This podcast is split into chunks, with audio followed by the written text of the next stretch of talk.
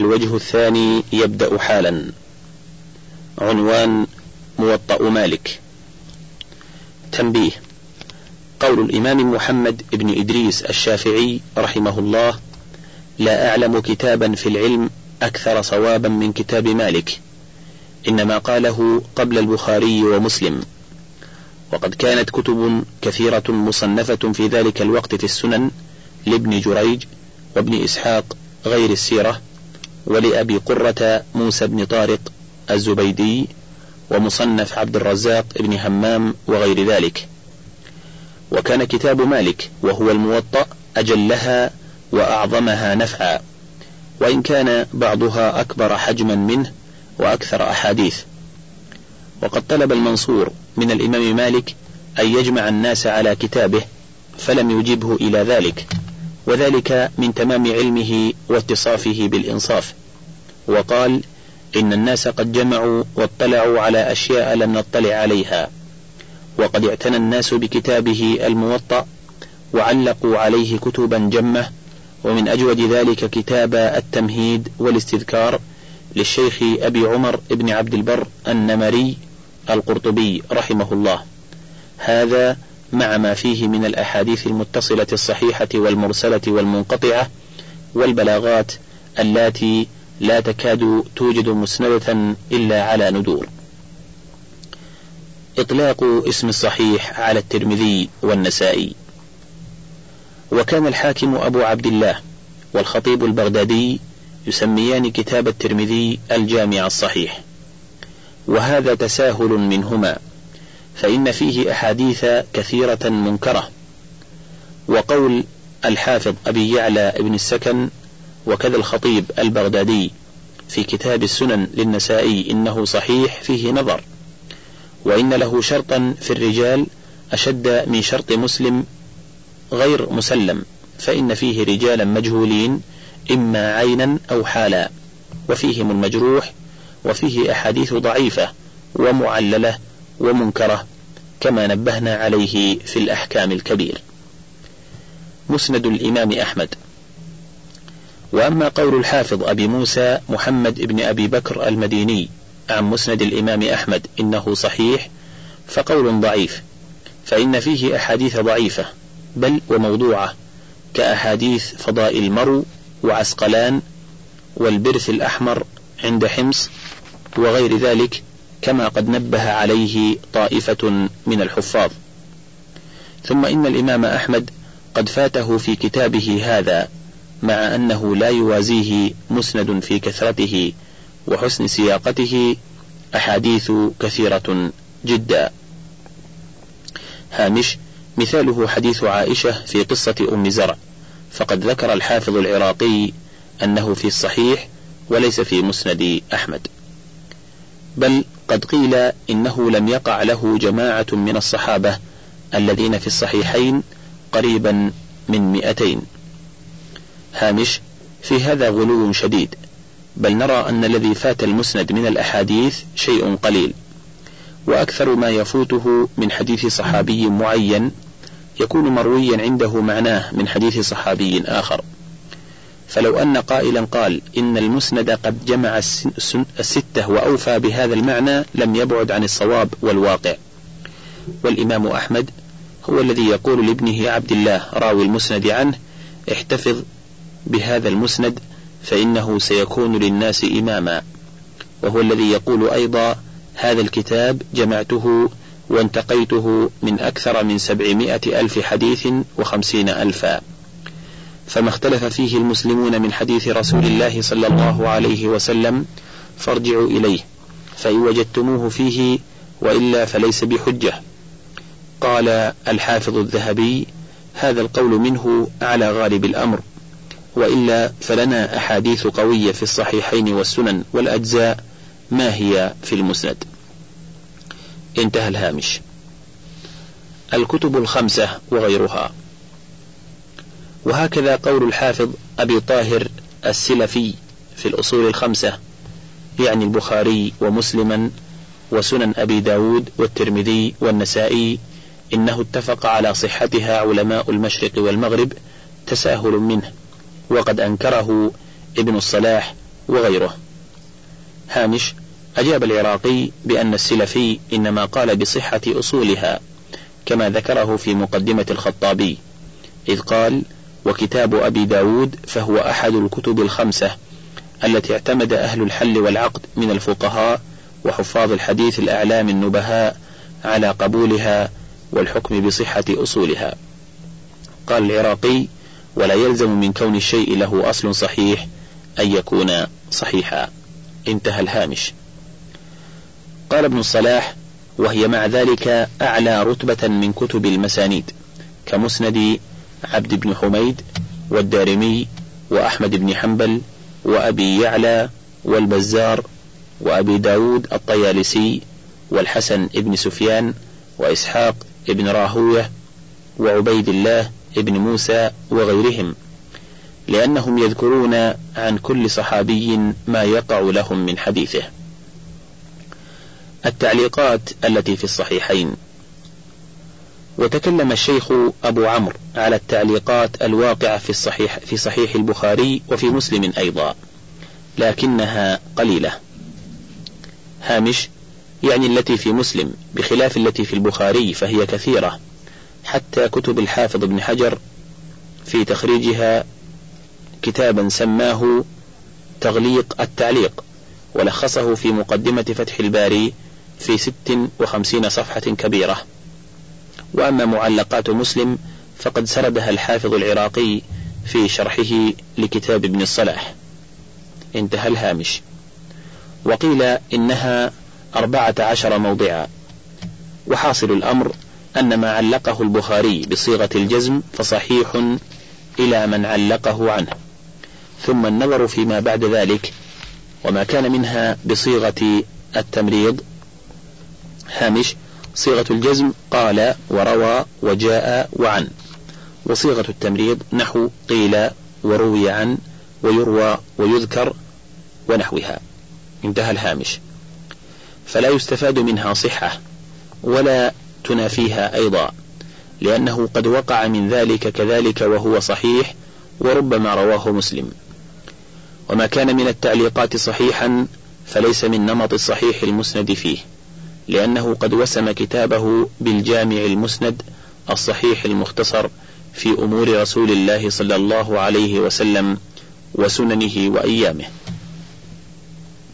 فأما إذا قال البخاري قال لنا أو قال لي فلان كذا أو زادني ونحو ذلك فهو متصل عند الأكثر. وحكى ابن الصلاح عن بعض المغاربة أنه تعليق أيضا يذكره للاستشهاد لا للاعتماد ويكون قد سمعه في المذاكرة. وقد رده ابن الصلاح فإن الحافظ أبا جعفر ابن حمدان قال إذا قال البخاري وقال لي فلان فهو مما سمعه عرضا ومناولة. وأنكر ابن الصلاح على ابن حزم رده حديث الملاهي. هامش حديث الملاهي هو حديث عبد الرحمن بن غن الأشعري عن أبي عامر أو أبي مالك والحر بكسر الحاء المهملة وتخفيف الراء هو الفرج والمراد استحلال الزنا. وهذه الرواية الصحيحة في جميع نسخ البخاري وغيره ورواه بعض الناقلين الخز بالخاء والزاي المعجمتين وهو تصحيف كما قال الحافظ أبو بكر ابن العربي. انتهى الهامش. حيث قال فيه البخاري وقال هشام بن عمار وقال أخطأ ابن حزم من وجوه فإنه ثابت من حديث هشام بن عمار. قلت وقد رواه أحمد في مسنده وأبو داود في سننه وخرجه البرقاني في صحيحه وغير واحد مسندا متصلا إلى هشام بن عمار وشيخه أيضا كما بيناه في كتاب الأحكام ولله الحمد.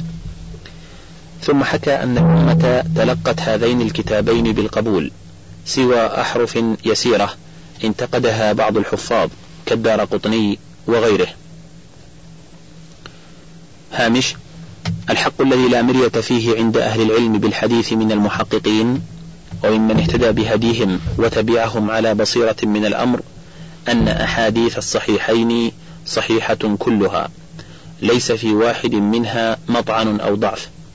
وإنما انتقد الدار قطني وغيره من الحفاظ بعض الأحاديث على معنى أن من انتقدوه لم يبلغ في الصحة الدرجة العليا التي التزمها كل واحد منهما في كتابه. وأما صحة الحديث في نفسه فلم يخالف أحد فيها.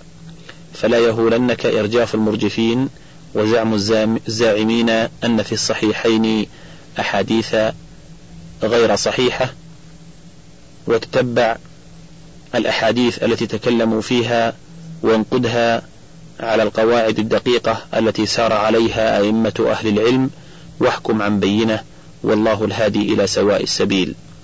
انتهى الهامش. ثم استنبط من ذلك القطع بصحة ما فيهما من الأحاديث لأن الأمة معصومة عن الخطأ فما ظنت صحته ووجب عليها العمل به لا بد وأن يكون صحيحا في نفس الأمر وهذا جيد. وقد خالف في هذه المسألة الشيخ محي الدين النووي وقال لا يستفاد القطع بالصحة من ذلك.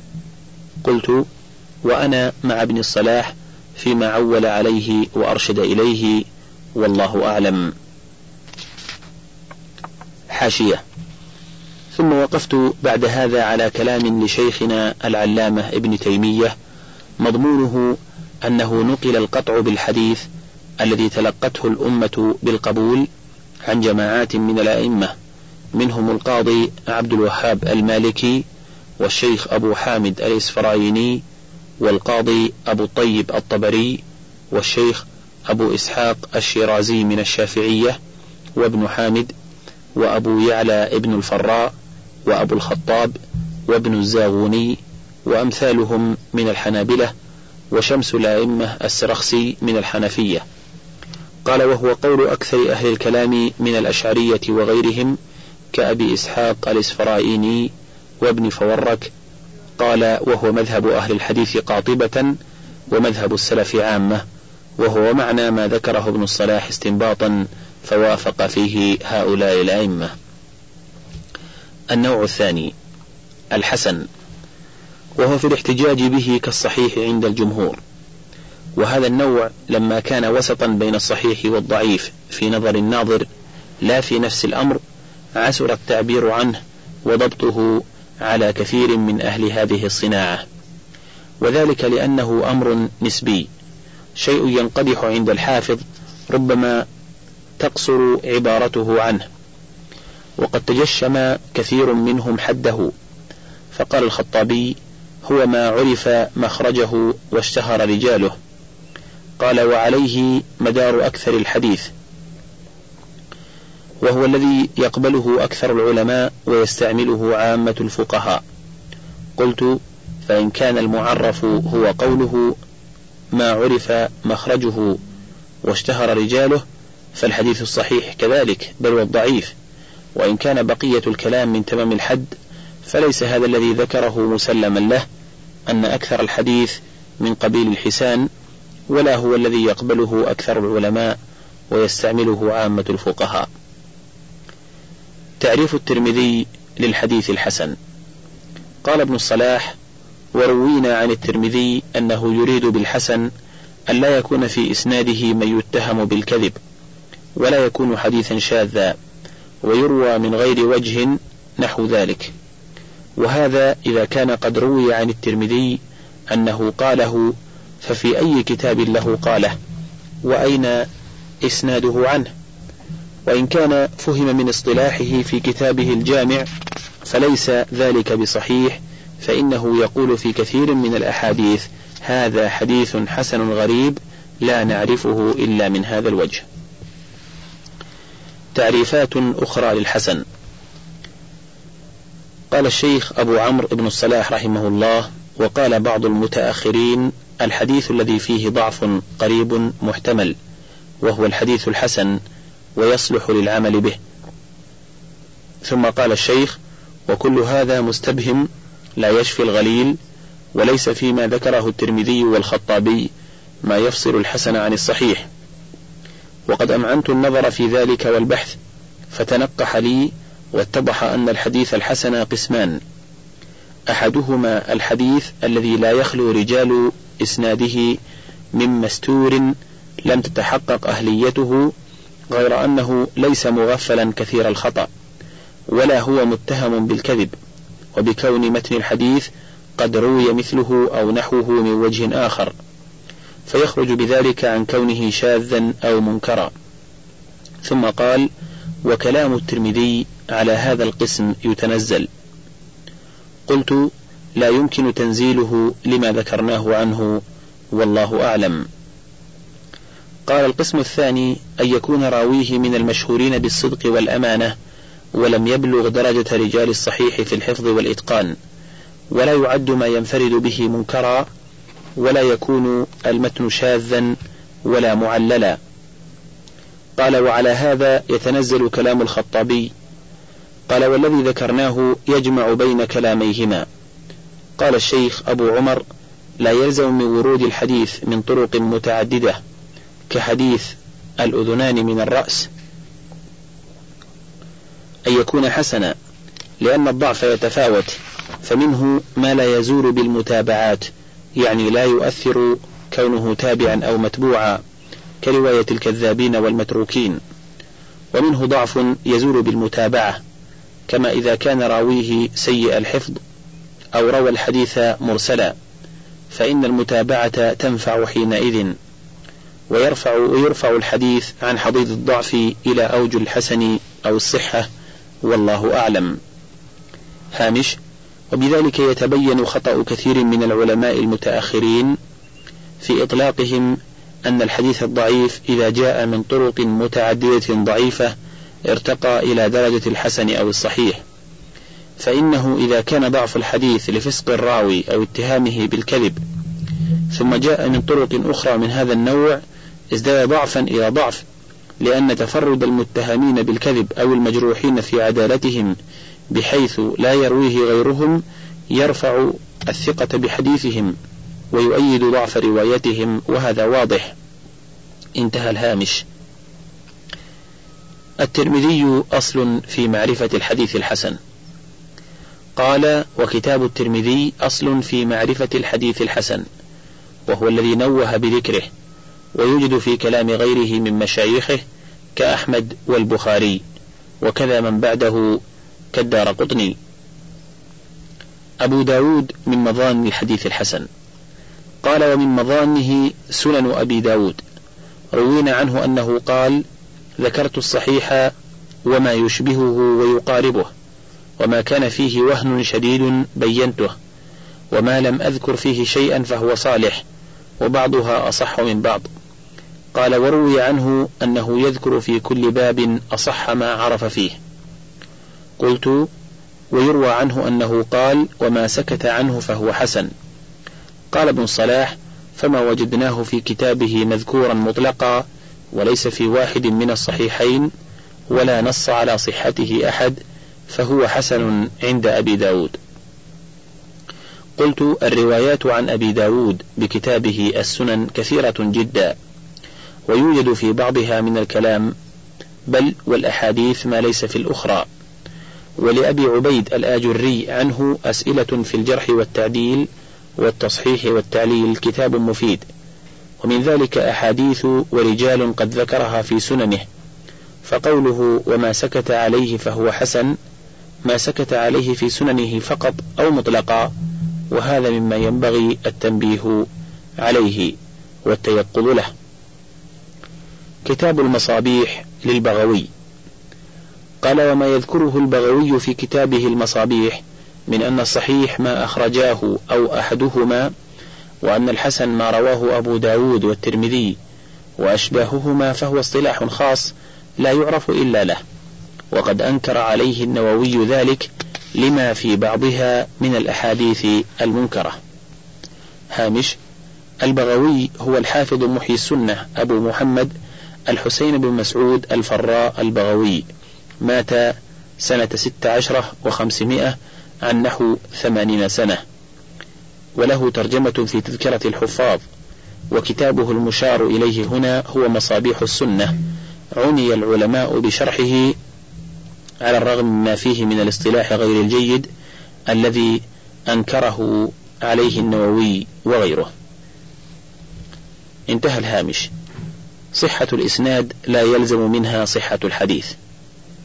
قال والحكم بالصحة أو الحسن على الإسناد لا يلزم منه الحكم بذلك على المتن إذ قد يكون شاذا أو معللا. قول الترمذي حسن صحيح. قال وأما قول الترمذي هذا حديث حسن صحيح فمشكل لأن الجمع بينهما في حديث واحد كالمتعذر فمنهم من قال ذلك باعتبار إسنادين حسن وصحيح. قلت وهذا يرده أنه يقول في بعض الأحاديث هذا حديث حسن صحيح غريب لا نعرفه إلا من هذا الوجه. ومنهم من يقول هو حسن باعتبار المتن صحيح باعتبار الإسناد. وفي هذا نظر أيضا فإنه يقول ذلك في أحاديث مروية في صفة جهنم وفي الحدود والقصاص ونحو ذلك. والذي يظهر لي أنه يشرب الحكم بالصحة على الحديث كما يشرب الحسن بالصحة. فعلى هذا يكون ما يقول فيه حسن صحيح أعلى رتبة عنده من الحسن ودون الصحيح. ويكون حكمه على الحديث بالصحة المحضة أقوى من حكمه عليه بالصحة مع الحسن والله أعلم. النوع الثالث الحديث الضعيف. قال وهو ما لم يجتمع فيه صفات الصحيح ولا صفات الحسن المذكورة فيما تقدم. ثم تكلم على تعداده وتنوعه باعتبار فقده واحدة من صفات الصحة أو أكثر أو جميعها. فينقسم جنسه إلى الموضوع والمقلوب والشاذ والمعلل والمضطرب والمرسل والمنقطع والمعضل وغير ذلك. النوع الرابع المسند. قال الحاكم هو ما اتصل إسناده إلى رسول الله صلى الله عليه وسلم. وقال الخطيب هو ما اتصل إلى منتهاه.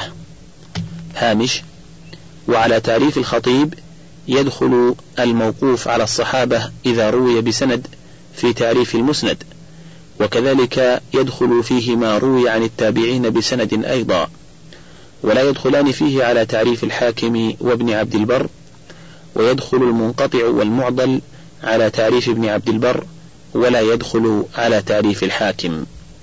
انتهى الهامش. وحكى ابن عبد البر أنه المروي عن رسول الله صلى الله عليه وسلم سواء كان متصلا أو منقطعا. فهذه أقوال ثلاثة النوع الخامس المتصل ويقال له الموصول أيضا وهو ينفي الإرسال والانقطاع ويشمل المرفوع إلى النبي صلى الله عليه وسلم والموقوف على الصحابي أو من دونه. النوع السادس المرفوع هو ما أضيف إلى النبي صلى الله عليه وسلم قولا أو فعلا عنه وسواء كان متصلا أو منقطعا أو مرسلا. ونفى الخطيب أن يكون مرسلا. فقال هو ما أخبر فيه الصحابي عن رسول الله صلى الله عليه وسلم. النوع السابع الموقوف. ومطلقه يختص بالصحابي. ولا يستعمل في من دونه إلا مقيدا. وقد يكون إسناده متصلا وغير متصل. وهو الذي يسميه كثير من الفقهاء والمحدثين أيضا أثرا. وعزاه ابن الصلاح إلى الخراسانيين أنهم يسمون الموقوف أثرا. قال وبلغنا عن أبي القاسم الفوراني أنه قال الخبر ما كان عن رسول الله صلى الله عليه وسلم والأثر ما كان عن الصحابي. قلت ومن هذا يسمي كثير من العلماء الكتاب الجامع لهذا وهذا بالسنن والآثار ككتاب السنن والآثار للطحاوي والبيهقي وغيرهما والله أعلم. النوع الثامن المقطوع وهو الموقوف على التابعين قولا وفعلا وهو غير المنقطع وقد وقع في عبارة الشافعي والطبراني إطلاق المقطوع على منقطع الإسناد غير الموصول. وقد تكلم الشيخ أبو عمرو على قول الصحابي كنا نفعل أو نقول كذا إن لم يضفه إلى زمان النبي صلى الله عليه وسلم فقال أبو بكر البرقاني عن شيخه أبي بكر الإسماعيلي إنه من قبيل الموقوف وحكم النيسابوري برفعه لأنه يدل على التقرير ورجحه ابن الصلاح. هامش ورجحه أيضا الحاكم والرازي والآمدي والنووي في المجموع والعراقي وابن حجر وغيرهم. انتهى الهامش.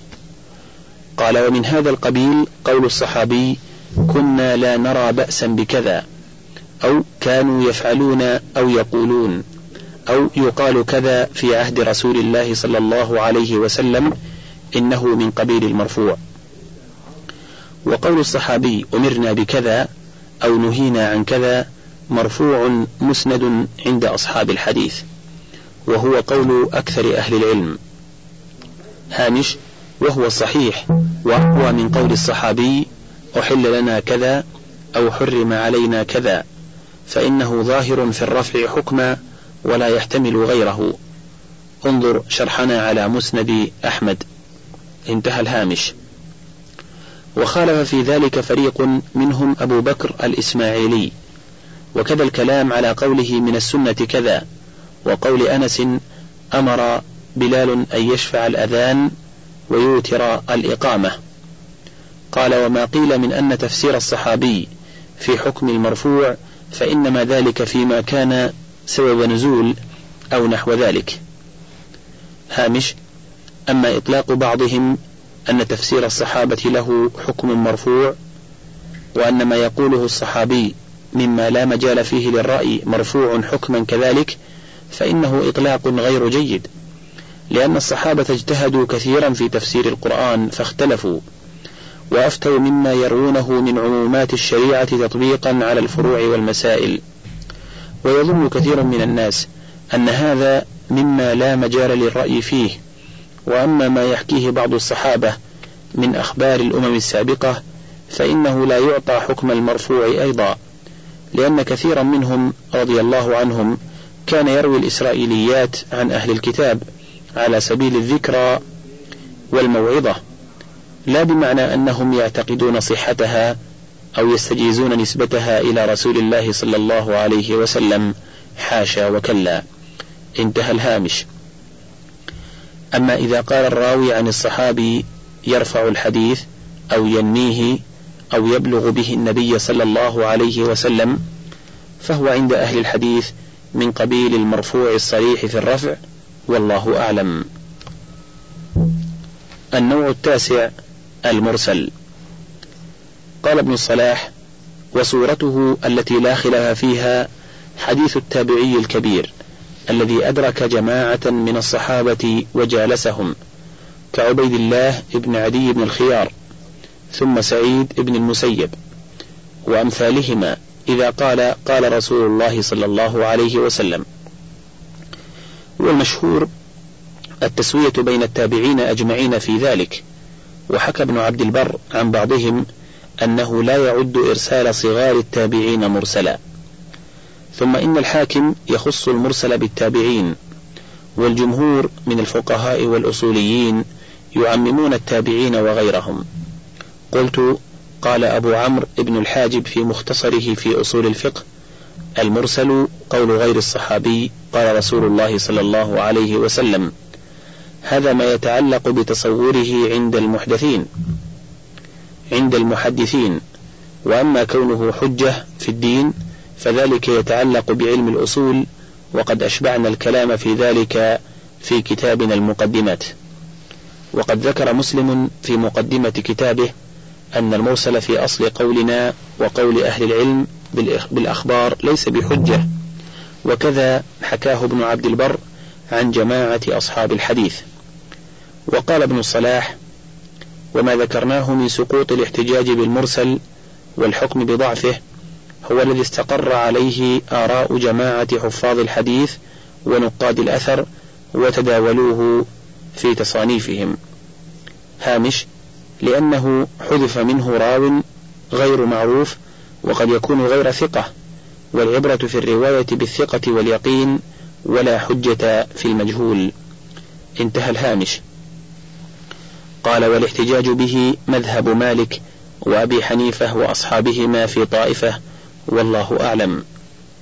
قلت وهو محكي عن الإمام أحمد بن حنبل في رواية. وأما الشافعي فنص على أن مرسلات سعيد بن المسيب حسان. قالوا لأنه تتبعها فوجدها مسندة والله أعلم. والذي عول عليه في كلامه في الرسالة أن مراسيل كبار التابعين حجة إن جاءت من وجه آخر ولو مرسلة. أو اعتضدت بقول صحابي أو أكثر العلماء أو كان المرسل لو سمى لا يسمي إلا ثقة فحينئذ يكون مرسله حجة ولا ينتهض إلى رتبة المتصل. قال الشافعي وأما مراسيل غير كبار التابعين فلا أعلم أحدا قبلها. قال ابن الصلاح وأما مراسيل الصحابة كابن عباس وأمثاله ففي حكم الموصول لأنهم إنما يروون عن الصحابة وكلهم عدول فجهالتهم لا تضر والله أعلم. قلت وقد حكى بعضهم الإجماع على قبول مراسيل الصحابة وذكر ابن الأثير وغيره في ذلك خلافا. ويحكى هذا المذهب عن الأستاذ أبي إسحاق الإسفرايني لاحتمال تلقيهم عن بعض التابعين. وقد وقع رواية الأكابر عن الأصاغر والآباء عن الأبناء كما سيأتي إن شاء الله تعالى. تنبيه والحافظ البيهقي في كتابه السنن الكبرى وغيره يسمي ما رواه التابعي عن رجل من الصحابة مرسلا فإن كان يذهب مع هذا إلى أنه ليس بحجة فيلزمه أن يكون مرسل الصحابة أيضا ليس بحجة والله أعلم. النوع العاشر المنقطع. قال ابن الصلاح وفيه وفي الفرق بينه وبين المرسل مذاهب قلت فمنهم من قال هو أن يسقط من الإسناد رجل أو يذكر فيه رجل مبهم. ومثل ابن الصلاح للأول بما رواه عبد الرزاق عن الثوري عن أبي إسحاق عن زيد بن يثيع. عن حذيفة مرفوعا إن وليتموها أبا بكر فقوي أمين. الحديث. قال ففيه انقطاع في موضعين. أحدهما أن عبد الرزاق لم يسمعه من الثوري إنما رواه عن النعمان بن أبي شيبة الجندي عنه. والثاني أن الثوري لم يسمعه من أبي إسحاق وإنما رواه عن شريك عنه. ومثل الثاني بما رواه أبو العلاء ابن عبد الله ابن الشخير عن رجلين عن شداد ابن أوس حديث اللهم إني أسألك الثبات في الأمر. ومنهم من قال المنقطع مثل المرسل وهو كل ما لا يتصل إسناده غير أن المرسل أكثر ما يطلق على ما رواه التابعي عن رسول الله صلى الله عليه وسلم. قال ابن صلاح وهذا أقرب وهو الذي صار إليه طوائف من الفقهاء وغيرهم وهو الذي ذكره الخطيب البغدادي في كفايته.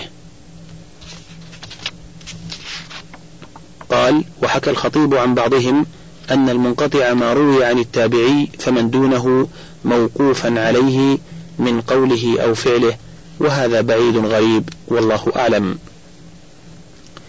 النوع الحادي عشر المعضل وهو ما سقط من إسناده اثنان فصاعدا. ومنه ما يرسله تابع التابعي.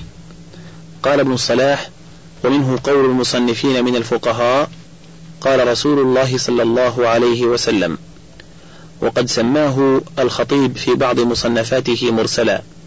وذلك على مذهب من يسمي كل ما لا يتصل إسناده مرسلا. قال ابن الصلاح وقد روى الأعمش عن الشعبي. قال ويقال للرجل يوم القيامة عملت كذا وكذا فيقول لا فيختم على فيه الحديث. قال فقد أعضله الأعمش لأن الشعبي يرويه عن أنس عن النبي صلى الله عليه وسلم. قال فقد أسقط منه الأعمش أنسا والنبي صلى الله عليه وسلم فناسب أن يسمى معضلا. قال وقد حاول بعضهم أن يطلق على الإسناد المعنعن اسم الإرسال أو الانقطاع. قال والصحيح الذي عليه العمل أنه متصل محمول على السماع إذا تعاصروا مع البراءة من وصمة التدريس. وقد ادعى الشيخ أبو عمرو الداني المقرئ إجماع أهل النقل على ذلك وكاد ابن عبد البر أن يدعي ذلك أيضا. هامش قوله وكاد ابن عبد البر إلى آخره قال العراقي ولا حاجة إلى قوله وكاد فقد ادعاه فقال في مقدمة التمهيد اعلم وفقك الله أني تأملت أقاويل أئمة الحديث ونظرت في كتب من اشترط الصحيح في النقل منهم ومن لم يشترطه فوجدتهم أجمعوا على قبول الإسناد المعنعن لا خلاف بينهم في ذلك. إذا جمع شروطا ثلاثة وهي عدالة المحدثين ولقاء بعضهم بعضا ومجالسة ومشاهدة وأن يكونوا براء من التدليس. ثم قال وهو قول مالك وعامة أهل العلم. انتهى الهامش. قلت وهذا هو الذي اعتمده مسلم في صحيحه وشنع في خطبته على من يشترط مع المعاصرة اللقي. حتى قيل إنه يريد البخاري والظاهر أنه يريد علي بن المديني فإنه يشترط ذلك في أصل صحة الحديث. وأما البخاري فإنه لا يشترطه في أصل الصحة ولكن التزم ذلك في كتابه الصحيح. وقد اشترط أبو المظفر السمعاني مع اللقاء طول الصحابة. وقال أبو عمرو الداني إن كان معروفا بالرواية عنه قبلت العنعنة. وقال القابسي إن أدركه إدراكا بينا. وقد اختلف الأئمة فيما إذا قال الراوي إن فلانا قال هل هو مثل قوله عن فلان؟ فيكون محمولا على الاتصال حتى يثبت خلافه أو يكون قوله إن فلانا قال دون قوله عن فلان كما فرق بينهما أحمد ابن حنبل ويعقوب ابن أبي شيبة وأبو بكر البرديجي فجعلوا عن صيغة اتصال وقوله أن فلانا قال كذا في حكم الانقطاع حتى يثبت خلافه. وذهب الجمهور إلى أنهما سواء في كونهما متصلين. قاله ابن عبد البر وممن نص على ذلك مالك بن أنس. وقد حكى ابن عبد البر الإجماع على أن الإسناد المتصل بالصحابي سواء فيه أن يقول عن رسول الله صلى الله عليه وسلم أو قال رسول الله صلى الله عليه وسلم أو سمعت رسول الله صلى الله عليه وسلم. وبحث الشيخ أبو عمرو ها هنا فيما إذا أسند الراوي ما أرسله غيره فمنهم من قدح في عدالته بسبب ذلك إذا كان المخالف له أحفظ منه أو أكثر عادة ومنهم من رجح بالكثرة أو الحفظ ومنهم من قبل المسند, المسند مطلقا إذا كان عدلا ضابطا. وصححه الخطيب وابن الصلاح وعزاه إلى الفقهاء والأصوليين وحكى عن البخاري أنه قال الزيادة من الثقة مقبولة. النوع الثاني عشر المدلس. والتدليس قسمان أحدهما أن يروي عمن لقيه ما لم يسمعه منه أو عمن عاصره ولم يلقه موهما أنه سمعه منه. هامش كأن يقول عن فلان أو قال فلان أو نحو ذلك. فأما إذا صرح بالسماع أو التحديث ولم يكن قد سمعه من شيخه ولم يقرأه عليه لم يكن مدلسا بل كان كاذبا فاسقا وفرغ من أمره. انتهى الهامش. ومن الأول قول ابن خشرم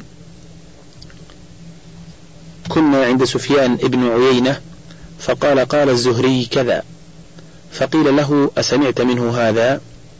قال حدثني عبد الرزاق عن معمر عنه. وقد كره هذا القسم من التدليس جماعة من العلماء وذموه وكان شعبة أشد الناس إنكارا لذلك. ويروى عنه أنه قال لأن أزني أحب إلي من أن أدلس. قال ابن الصلاح وهذا محمول على المبالغة والزجر. وقال الشافعي التدليس أخو الكذب. هامش هذه الكلمة نقلها ابن الصلاح عن الشافعي عن شعبة فليست من قول الشافعي بل هي من نقله. انتهى الهامش.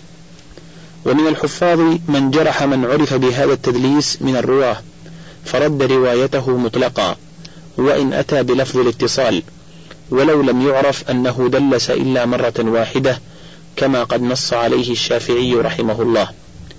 قال ابن الصلاح والصحيح التفصيل بين ما صرح فيه بالسماع فيقبل وبين ما أتى فيه بلفظ محتمل فيرد. قال وفي الصحيحين من حديث جماعة من هذا الضرب كالسفيانين والأعمش وقتادة وهشيم وغيرهم. هامش فائدة. نقل السيوطي في التدريب عن الحاكم قال أهل الحجاز والحرمين ومصر والعوالي وخراسان وأصبهان وبلاد فارس وخوزستان وما وراء النهر لا نعلم أحدا من أئمتهم دلسوا. وأكثر المحدثين تدليسا أهل الكوفة ونفر يسير من أهل البصرة. وأما أهل بغداد فلم يذكر عن أحد من أهلها التدليس. إلى أبي بكر محمد ابن محمد ابن محمد ابن سليمان الباغندي الواسطي فهو أول من أحدث التدليس بها. وقد ألف الحافظ برهان الدين سبط ابن العجمي المتوفى سنة إحدى وأربعين وثمانمائة رسالة في التدليس والمدلسين طبعت في حلب وكذلك الحافظ ابن حجر المتوفى سنة اثنتين وخمسين وثمانمائة ألف رسالة طبعت في مصر. انتهى الهامش. قلت وآية التدليس أنه نوع من الإرسال لما ثبت عنده وهو يخشى أن يصرح بشيخه فيرد من أجله والله أعلم. وأما القسم الثاني من التدليس فهو الإتيان باسم الشيخ أو كنيته على خلاف المشهور به تعمية لأمره وتوعيرا للوقوف على حاله. ويختلف ذلك باختلاف المقاصد. فتارة يكره كما إذا كان أصغر سنا منه أو نازل الرواية ونحو ذلك. وتارة يحرم كما إذا كان غير ثقة فدلسه لئلا يعرف حاله أو أوهم أنه رجل آخر من الثقات على وفق اسمه أو كنيته. انتهى الشريط الأول من كتاب الباعث الحثيث شرح اختصار علوم الحديث للحافظ ابن كثير وله بقية على الشريط الثاني.